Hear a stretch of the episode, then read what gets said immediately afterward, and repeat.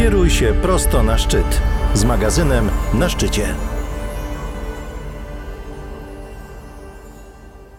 Dzień dobry, spotykamy się na festiwalu górskim w Lądku Zdroju. Moim gościem jest himalaistka i podróżniczka Monika Witkowska.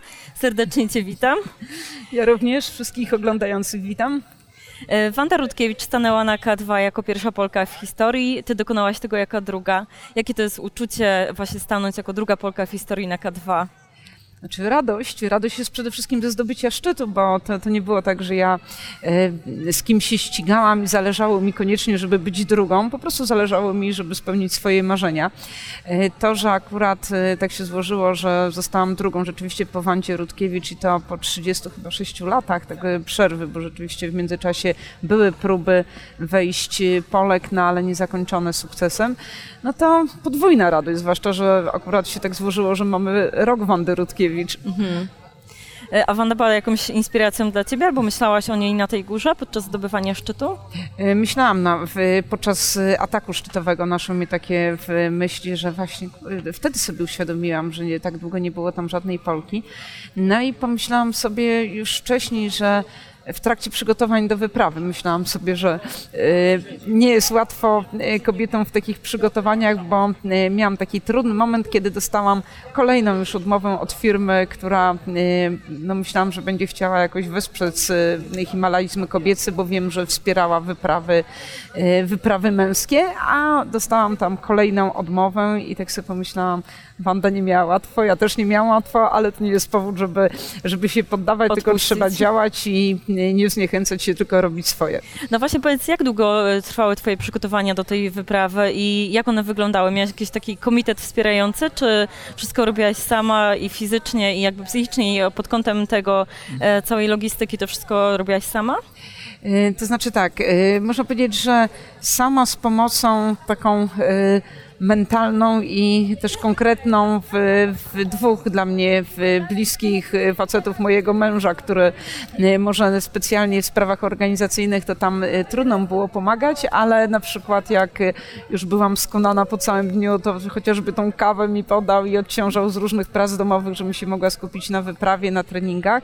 No i tutaj też jestem bardzo wdzięczna mojemu przyjacielowi Adamowi Rowickiemu, który też mnie odciążał z takich spraw organizacyjnych, to znaczy pomagał w pisaniu maili, chociażby w jakichś takich szczegółach, o na przykład logo wyprawy, mm -hmm. czy w, w, w, jakieś tam kontakty z agencją. Natomiast muszę powiedzieć, że e, rzeczywiście, no nie trudno powiedzieć, że miałam e, kogoś, kto mi tam jakoś, jak, jakąś firmę, która mi pomagała.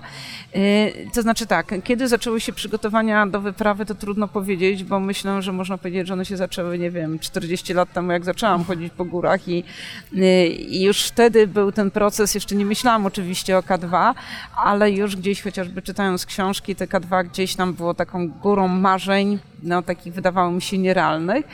E, no a potem się to się tak e, z czasem zmieniało, były inne ośmiotysięczniki, ale ciągle myślałam, że e, to nie jest, K2 nie jest górą dla mnie. Natomiast takim momentem, kiedy podjęłam decyzję o K2 było to jak już wróciłam po wyprawie na lotce w 2019 roku. No i pomyślałam, że czemu nie, ale później przyszedł COVID i dwa mhm. lata, e, przez jeden rok w ogóle nie było wypraw. Później kolejnego roku na dwa tygodnie przed wyjazdem moja agencja odwołała wyprawę na K2.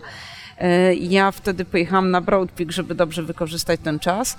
E, natomiast e, akurat wyprawę nieudaną, no ale teraz się okazało, że dobrze, cały czas się przygotowywałam, prawda, i cały czas trenowałam i mentalnie przygotowałam się, także myślę, że te trzy lata odsunięcia planów nawet dobrze mi zrobiło, bo dzięki temu rzeczywiście byłam przede wszystkim mocniejsza fizycznie. No a właśnie jak to jest z tą trudnością zdobywania K2? No skoro jesteś drugą Polką i później jeszcze po tobie właśnie była Dorota Rasińska-Samoćko chwilę później, to jak to jest, że tylko trzem kobietom tak naprawdę do tej pory udała się ta sztuka i bo pamiętam też w jednym z wywiadów mówiłaś, że w sumie zaskoczyły cię te trudności na K2, mm -hmm. że myślałaś, że one są większe, że tak czytałaś, mm -hmm. a ostatecznie były takie momenty, że jednak było prościej, tak? Tak. Znaczy, yy, odpowiem na to pytanie, ale teraz przeproszę słuchaczy i oglądających, bo tak świeci słońce, że ja muszę wziąć okulary. Już są? O, dobra, dzięki. Dobrze, o, już teraz mogę. Teraz lepiej. No dobrze. Znaczy, na pewno nie na darmo się mówi o K2, że to jest najtrudniejszy z ośmiotysięczników. Mhm. Oczywiście na to, co jest trudne, wpływa wiele czynników, no przede wszystkim pogoda, ale ogólnie można założyć, że K2 jest naprawdę trudną górą i na przykład y, w stosunku do Everestu, na którym byłam no, już dawno, w 2013 roku, to, y, to jest naprawdę ogromna różnica. K2 jest y, w wielu momentach techniczne, Karakorum jako mm, pasmo górskie słynie z takiej nieprzewidywalności pogodowej i tak jest. Na K2 praktycznie nie ma ludzi, którzy są y, niedoświadczeni, dla których jest to pierwsza góra. Po prostu tam przyjeżdżają ludzie, którzy, y, którzy już mają kilka ośmiotysięczników na koncie, wiedzą jak organizm się zachowuje na wysokości, czego można y, po tej górze oczekiwać. I powiem szczerze, wiedziałam, że będzie ciężko i było ciężko, no ale byłam przygotowana na to, bo hmm. nie było to zaskoczeniem. Dodatkowo były takie trochę utrudnienia, to znaczy taką zmorą y, chyba zawsze, ale w tym roku w szczególności w związku z ociepleniem klimatu było to, że y, leciały kamienie, znaczy te kamienie z góry to były, one spadały z dużej wysokości, rozpędzały się i to były takie spadające kamienne bomby. Ja pamiętam kiedyś taki moment, kiedy rozmawiałam z koleżanką, byłyśmy odsunięte od siebie tak no, kilka metrów i nagle ktoś krzyknął rok, rok, czyli kamień, skała i z góry leciało no po prostu tak jakby jakiś meteory czy y, bomba, leciał olbrzymi kamień, który uderzył dokładnie między nas i poleciał dalej.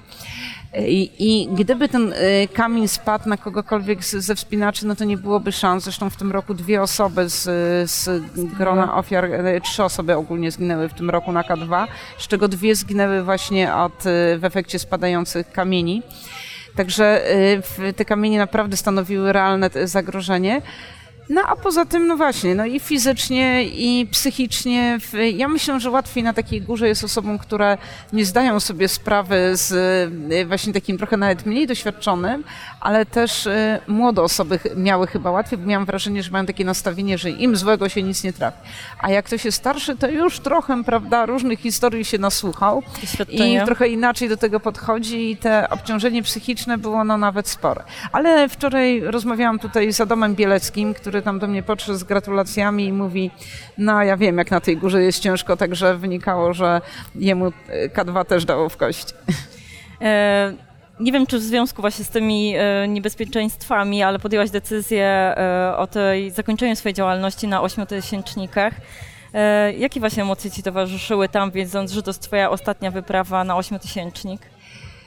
E, znaczy ja już, ja już przed wyprawą e, obiecałam rodzinie, że to będzie ostatni ośmiotysięcznik i e, jechałam z takim nastawieniem na K2, że bardzo bym chciała stanąć na szczycie, ale jeżeli to się nie uda, dojdę do jakiegoś niższego obozu, to nie będzie dla mnie żadna porażka, to i tak będzie przygoda życia nie za wszelką prawdopodobnie. Cenę. Słucham? Nie za wszelką cenę. Tak, nie za wszelką cenę i po prostu też po drodze motywowałam się, że moim wejściem jest, celem jest szczyt, ale po po drodze sobie wyznaczałam tak, trochę to odsuwałam. Szłam tak, a no to dzisiaj idę do, do obozu pierwszego. W jedynce sobie myślałam, no dobra, no to teraz trzeba do drugiego. W dwójce, no to skoro tu już jestem, do trzeciego. I sobie tak podwyższałam Metoda małych kroczków. E, tak i e, to może, e, to było takie naturalne trochę sprawienie, że gdyby mi nie wyszło, żeby to nie było właśnie coś, co, co z, prawda, no przyniesie mi jakiś taki żal i rozgoryczenie. Ja po prostu naprawdę się tą wyprawą cieszyłam. I myślę, że to było było dobre e, nastawienie, że nie muszę nikomu coś udowadniać, jestem na tej górze wyłącznie dla siebie,